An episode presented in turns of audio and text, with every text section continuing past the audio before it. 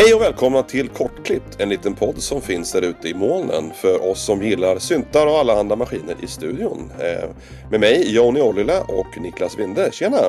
Tjena tjena, hur är läget? Ja, det är fint, det är fint. Fan, du, du eh, har en eh, rätt så trevlig skiva du vill snacka om idag som jag lyssnade på faktiskt precis innan vi började spela in det här. Kan du berätta lite grann om den? Ja, precis. Eh, grejen var ju att jag försökte ta upp den i ett annat avsnitt och sen så sluddrade jag så jävla mycket så att vi var tvungna att klippa bort det. Eh, nu är jag lite mer förberedd. Det har alltså kommit en skiva från en kille som heter Albin. Skivan heter Paus och när jag lyssnade på den eh, efter att jag blivit tipsad om den på 99 Musik så slogs jag av hur fantastiskt bra den var. Och som lite grann vi pratade om när du lyssnade på den nu, att den låter så som jag försökte låta när jag gjorde musik i början för 20 år sedan. Vi pratade om att det är rena syntljud, det är luftigt, det är fina arrangemang, det är gulliga, härliga melodier, snygga arpeggion, fina ljud liksom, och mycket fokus på analogsyntar känns det som.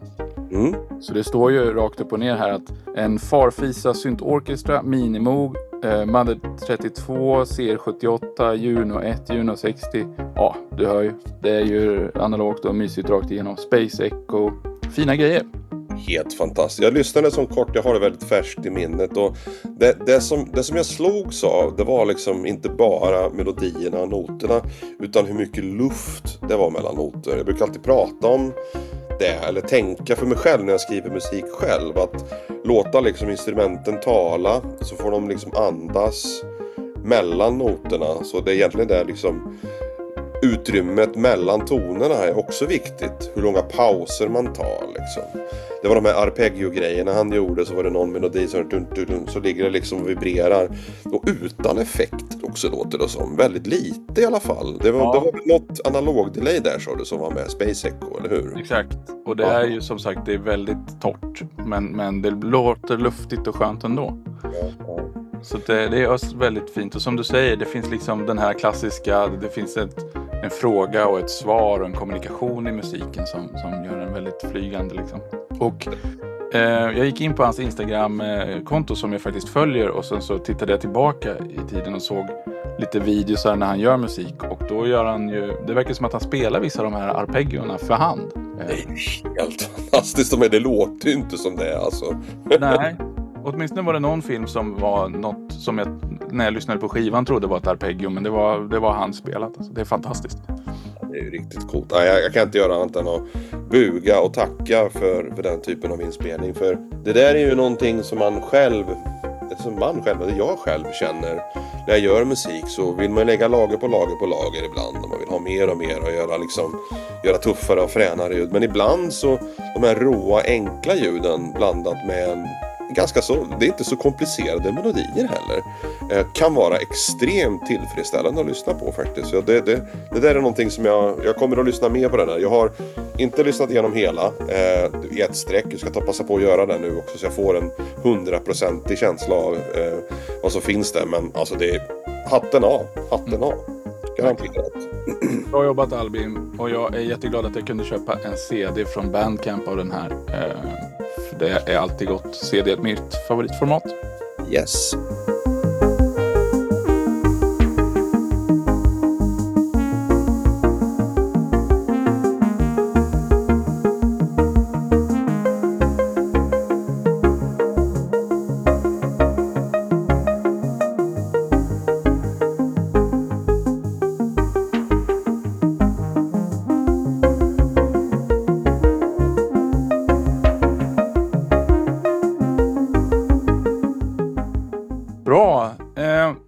Grej i dagens avsnitt är en eh, sån här mixdissekering där vi ska prata om eh, ett jobb som jag har gjort. Jag jobbar ju ganska mycket med eh, en kille som heter FM Lindqvist som ligger bakom bandet Hardpot.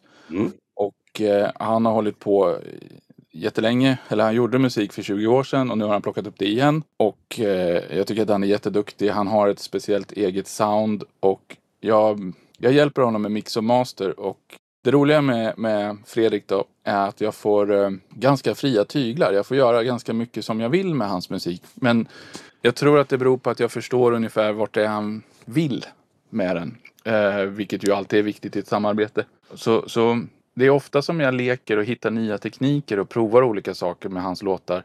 Och det brukar alltid flyga. Det där tror jag är lite av ett unikum alltså. Jag tror du satte fingret på något som är viktigt. När man mixar och masar åt någon så måste man förstå musiken. Och det där är någonting som jag känner att du har som en fördel gentemot andra mixing och masteringskillar som skulle ge sig på elektronisk musik. För som du säger, du vet vad som saknas. Du kanske redan vet vad de vill. Men de kan inte själva uttrycka det i ord liksom. Så det, jag ville bara säga det för att det är någonting som jag känner extremt viktigt. Framförallt i den lilla genren som vi håller på med. Att ha någon som förstår vad det är man vill göra. Ja, och en av hans stora förebilder eh, är den tyska gubben Rudi Ratzinger som vars band heter Wumpskott eller hur man nu uttalar det. Och jag har ju lyssnat jättemycket på honom också. Så att jag har ju liksom det i bakhuvudet när jag, när jag gör grejer. Men det är också roligt med, med Fredrik för han har gjort en jävla resa. För han, när han började skicka demos till mig för, ja men det är väl drygt ett år sedan nu då. Så, så hade han precis börjat med Fruity Loops och, och börjat liksom komma igång. Och, och det var ju de här starka melodierna och det var ju den här dystra, hårda känslan. Men, men han har utvecklats något enormt. Han har börjat liksom lära sig effekter och ta för sig och prova och greja och få, få liksom mycket mer av sitt eget sound. Så den låten som vi ska lyssna på idag har jag inte gjort så jävla mycket med som jag fick göra för ett år sedan. Mm. För han har blivit duktig att göra det själv. Och han, han, eh, han är jävligt rolig också för han namnger sina låtar på svenska. Eh, men han sjunger på engelska.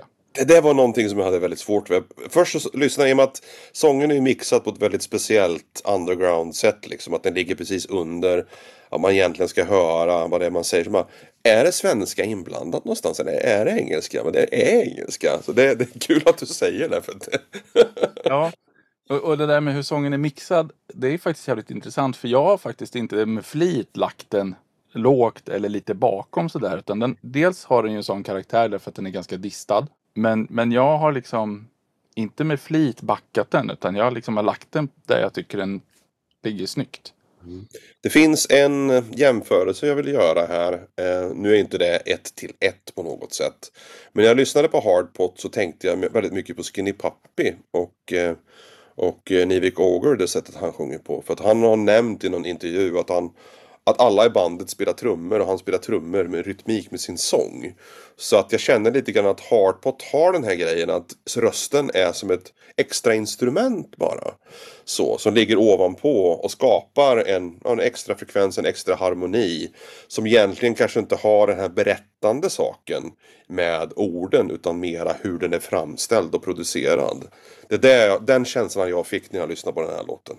Ja, det kan vara så. Nu vet jag att den här låten handlar om eh, en nära vän till honom som eh, nyligen tog livet av sig faktiskt. Så att det, är en, en, det finns mycket av det i den. Jag förstår det. det, det, det, det är, jag vill liksom inte säga att det är bra eller dåligt på något sätt. Utan jag får den här Absolut. tekniska liksom framställningen på det sättet. Eh, och det är, tror jag, extremt viktigt också när man lyssnar på, på den här typen av musik att det kanske inte är superklar klartext allting det man gör. Utan det finns en undermening i det. Och framförallt att framställningen och mixningen när man gör eh, man lägger liksom effekterna på det här sättet har en viss betydelse för att smälta in i musiken på ett mer harmoniskt sätt. Annat än att det är bara en vanlig röst som är ovanpå som sjunger. Så. Mm. Ja, alltså det är ju verkligen ingen singer-songwriter som berättar en historia från A till B. Det är det ju inte. Nej, precis, precis. Så alldeles riktigt. Men jag tänker vi börjar med, jag har ett antal filer då med olika delar och stadier i mixen. Så jag tänkte vi börjar med att köra originalmixen en liten bit av hela låten då. Yes.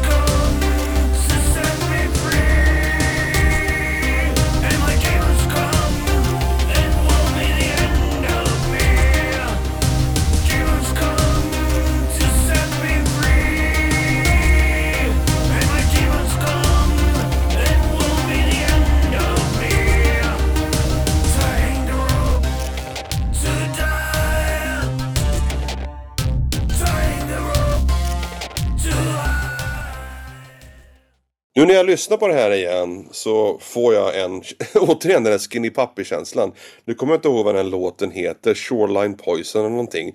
Men har den här ihållande, liksom långa, långa sångsättet. Eh, om det kanske är Download eller någonting, men någon, Eyes of Stanley Payne, jag minns inte, någon, någon av de här eh, låtarna som Nivik, Nivik Åger sjunger på det här liksom statiska, så byter han, så, så extremt snyggt. Måste jag säga. Jag gillar det som fan gör jag. Ja, jag, jag gillar också Nivek för han sjunger ju, men han har ju så väldigt speciell stämma också, han är lite så här nasal. Ehm, Fredrik har en lite mer mörk och, och bullrig stämma, men den passar så jäkla bra till den här sången. Mm. Eller musiken. Och det första jag jobbade med, eh, alltså jag, när jag får en mix, när jag får en demo till mig så här, så brukar jag börja med att spara undan eller bouncea liksom hela mixen till ett enda spår så att jag har originalet att jämföra med hela tiden under resten av processen. Och sen brukar jag lyssna på så här, så här, vad, vad, vad saknar jag? Vad, vad låter fel? Ska man, ska man kanske inte säga, men vad, vad behöver förbättring? Mm. Och sen så börjar jag där och sen så tar jag det liksom i olika steg framåt och så låter jag det växa. Och så går jag kanske tillbaka och fixar någonting. Mm. Ehm, så att processen är aldrig linjär och den, är aldrig, den börjar aldrig på samma ställe. Eller rättare sagt, för viss typ av musik och en viss artist så börjar det kanske ofta på ett visst ställe. Men för, för om ett nytt projekt med en ny artist, då kan det börja vart som helst. Men just i den här låten så eh, började jag faktiskt med sången för jag kände att den är stark men jag vill få den att, att, att liksom bli mer dramatisk och växa lite mer. Och, och Fredrik har en tendens att sjunga fraser och lämna lite tyst och sen så en annan fras och lämna lite tyst. Och då tycker jag det är snyggt att man har ett reverb eller någonting som växer in och fyller mellanrummen. Mm. Mm. Så att jag, jag började med ett duckat reverb som försvinner när, man, eh, när han sjunger och sen så växer det tillbaka upp igen. Och det blev för mycket duck på det. Så att jag, jag gjorde om det istället så att jag satte ett lågpassfilter som, som stänger lite grann när han sjunger och som öppnar upp sig sen. Men för att få det att, att ligga kvar tillräckligt länge så var jag tvungen att lägga ett delay också som, som fördröjer typ en fjärdedel eller någonting för att liksom flytta ut sången mellan. Mm. Det låter så här. Tying the rope to seal life's greatest mystery. Tying the rope to seal all the darkness inside of me.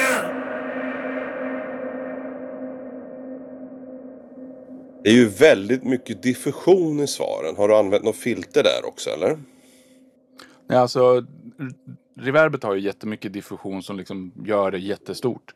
Ja. Och sen så ligger det liksom ett lågpassfilter och, och, och klipper ner reverbet. Så, så att medan han sjunger så, så tar jag ju bort jättemycket av de höga övertonerna. Är det, så, delay, förlåt, är det delay och sen reverb eller skjuter du? Okej, så de går efter varann? Ja, först delay och sen ett reverb. Så att det liksom, allting förskjuts till senare då.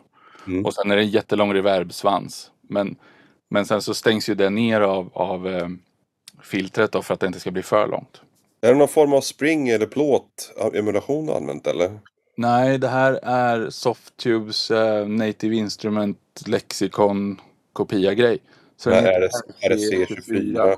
24, ja. precis, ja precis. Eller möjligtvis 48. Jag har båda dem. Ja. Så det är Hall-algoritmen där. Det lät lite plåtigt. Jag gillar att använda plåt på sång också. Det kände, men det är kanske jag som lyssnar här genom våran konversation som gör att det färgas lite grann också. Ja, alltså plåt eh, är ju liksom en algoritm eller en sorts reverb som, som låter väldigt speciellt. Som jag faktiskt inte har lärt mig använda sådär jätte, jättemycket. Jag älskar plåt. jag är en plåtgubbe. Plåt. Ja, jag borde ju vara en plåt-Niklas då kan man tycka. ja, precis. Jag får bli det. Hellre det än skrot-Niklas. Ja, eller det. Nej, så där började jag med. Så att jag liksom fyllde ut sången och fick det där. Och det där är ju mer på versen då. då för eh, refrängen har inte de här luckorna. Så att den, den har jag inte fyllt i på det sättet. Nästa grej jag tyckte var, att basen var lite, lite tam. Så att den låter så här i original.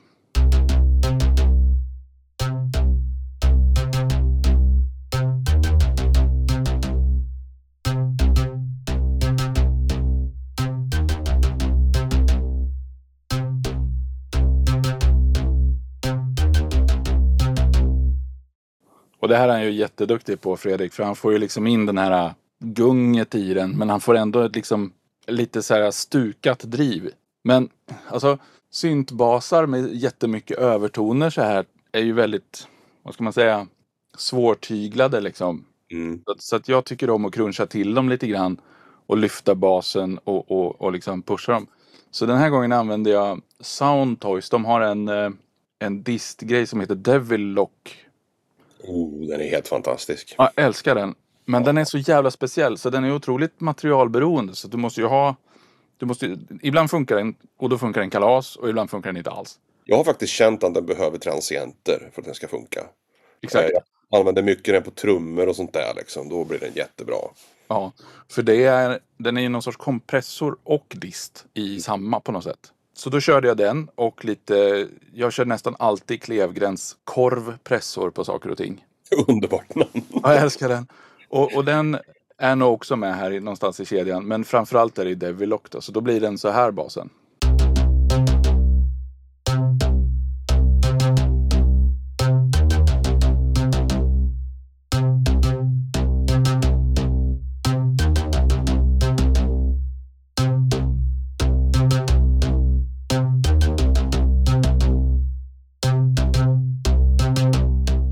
Det märks ju inte för lyssnarna, men när jag spelade förra basen på min telefon som jag håller i här nu.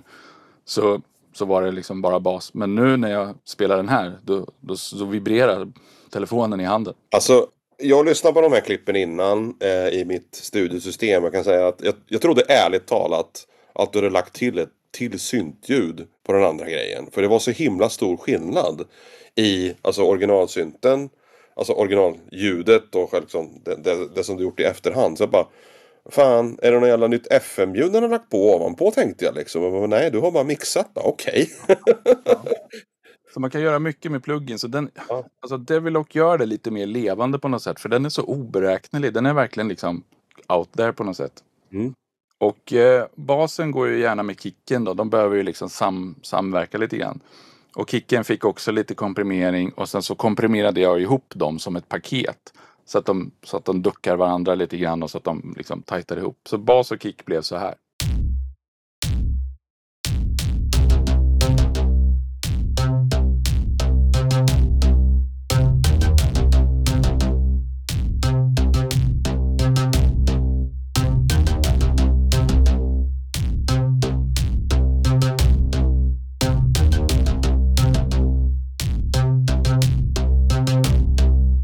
Vart ju skittungt. Ja, du lägger dem bara på en ny typ en subgrupp och så har du en masterkompressor och någonting tillsammans för att glimma ihop det. Eller vad gör du där? Ja, alltså i Bitwig så, så har man eh, kanalerna liggande liksom som ja, med spår som en pianorulle liksom på horisontell led. Och då kan man bara gruppera. Och sen så på gruppen så kan du lägga effekter. Jaha, okej. okej. Det är Lite nästan så då, eller? Jaha, coolt. Ja, nej, men det, det, det är liksom, du bara kan gruppera hur du vill och du kan ha grupper inom grupper och varje, varje spår kan skicka sänds till sändeffekter. Liksom. Coolt. Och du kan skicka hela grupper till en sänd och, och så vidare. Man fick det där, du vet.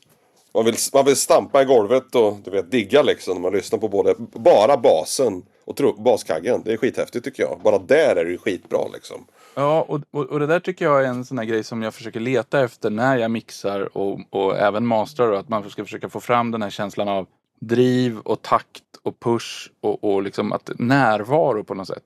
Mm. Så, så när jag mastrar eller mixar så försöker jag få varje förändring ska liksom flytta ut musiken ur högtalarna och ta tag mer i mig. Mm. Om den inte gör det så gör jag den inte. Då är den inte värt. Och det är framförallt i masterstadiet för då har man ju kommit så pass långt att, att man liksom kan förvänta sig att varje förändring ska ge den typen av effekt. För när man sitter och mixar och kanske skär liksom låga frekvenser i sången för att få bort liksom tjoff ur, ur konsonanter så är det ingenting som, som direkt hörs i mixen utan det är ju bara en, liksom, bra att göra för att göra plats för annat. Ja, precis, precis. Coolt, coolt som fan. Yes, och det var egentligen de största åtgärderna jag gjorde med den här mixen. Så, mm, så, så jag mixar ju igenom alltihopa och jag lägger lite reverb här och där. Jag, jag komprimerar någonting. Jag kanske enhansar lite höga frekvenser och lite sånt här på vissa olika spår. Men sen är mixen klar innan jag mastrar. Så att jag tänkte vi kör lite av hela mixen före master. Och sen kör vi den färdiga versionen så att man kan höra hur det blir skillnad mellan mm, Mm, ja, omastrat och mastrat. Då. Mm.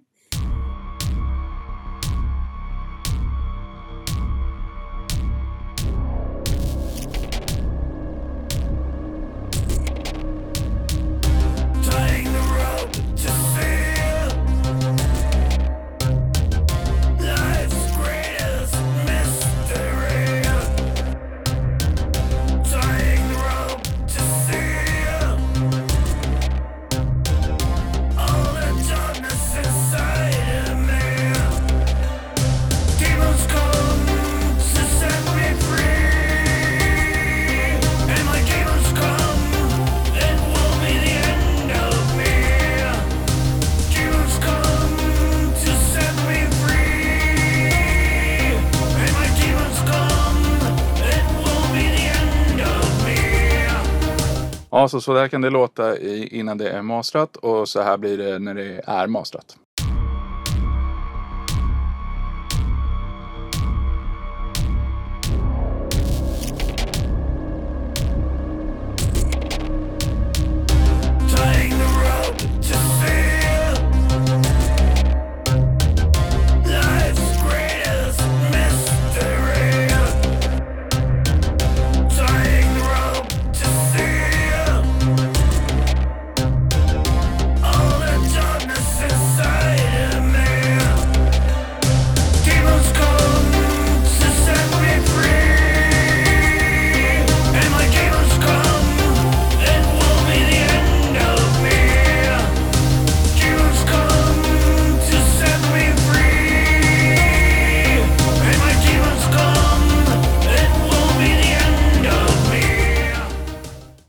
Låter den färdigmastrad alltså. Och så tycker jag att ni ska sticka iväg på strömningstjänster och lyssna på den här.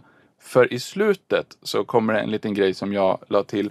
Som jag tyckte väldigt mycket om, som jag vill prata om. Så vi kör slutet här.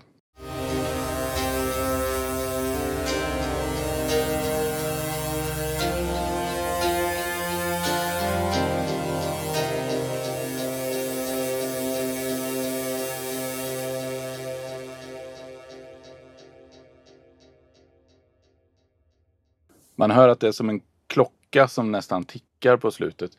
Det är ett delay som jag har lekt lite grann med. Ehm, dels så har jag under tiden som det liksom fejdar ut. Jag har ju dragit på jättemycket feedback. Och så automatiserar jag det liksom upp och ner och grejer. Men jag lägger också på ett annat trick. För att ett problem med delayer tycker jag är att när man lägger på feedback på dem så mattas feedbacksignalen av väldigt fort. Så den drunknar ofta i mixen.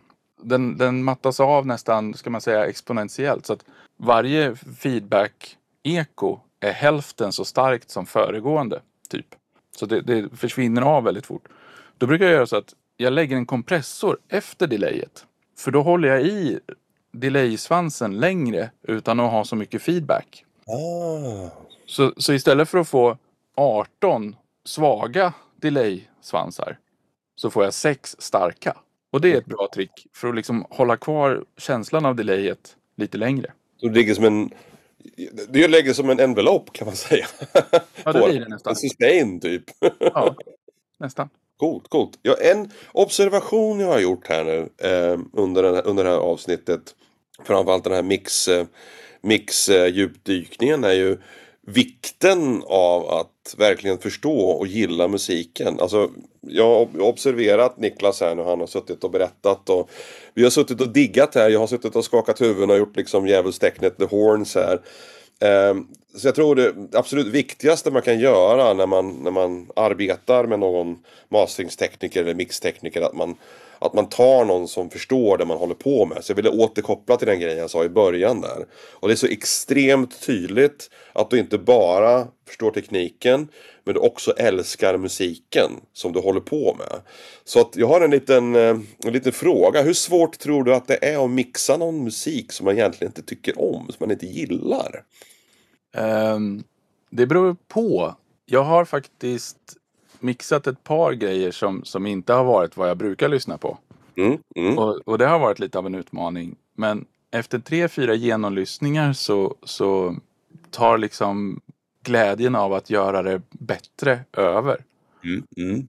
Ehm, så att jag, jag gjorde en gangsterrap-låt för ett tag sedan. All right. Ja, och det är ingenting som jag själv liksom letar upp och lyssnar på. Men då var det verkligen kul att försöka få fram den här attityden och, och liksom lyfta det som är viktigt i den musiken. Mm. Så, så att ehm, det var skitkul. Men sen vet jag inte om jag gjorde det lika bra som någon med erfarenhet av sånt skulle ha gjort. Ja, men det där är jävligt int- intressant. Alltså, jag, jag tänker på det själv. Jag har gjort några mixar av mastergrejer för musik som jag kanske inte 100% har diggat från början till slut. Men jag tror nog att man gör det här lilla, lilla, lilla extra när man har framförallt bakgrunden av eh, musikgenren. Så får man den här lilla liksom extra glittret, om man ska säga så. Ja, men det, det tror jag definitivt också. Och sen så tror jag också det är så här att som, som när man jobbar med en låt så fattar man ju kanske tusentals beslut från början till slut. Man, man lyfter en sak där, man drar ner en sak där. Men de här stora besluten grundar sig ju ändå i någon slags vision av ett slutresultat. Där du förstår liksom att det är dit vi ska. Om du inte förstår genren, om du inte känner till musikstilen och vad artister som håller på med den brukar göra och hur de brukar låta. Då blir de besluten jävligt svåra att fatta liksom. Precis, precis. Så det tror jag definitivt att man, man, erfarenhet av den typen av musik man jobbar med är nog jättenyttigt. Ja, det var skitkul det här. Alltså, jag lärde mig jättemycket. Det är fan jätteroligt det här. Bra avsnitt. Bra avsnitt!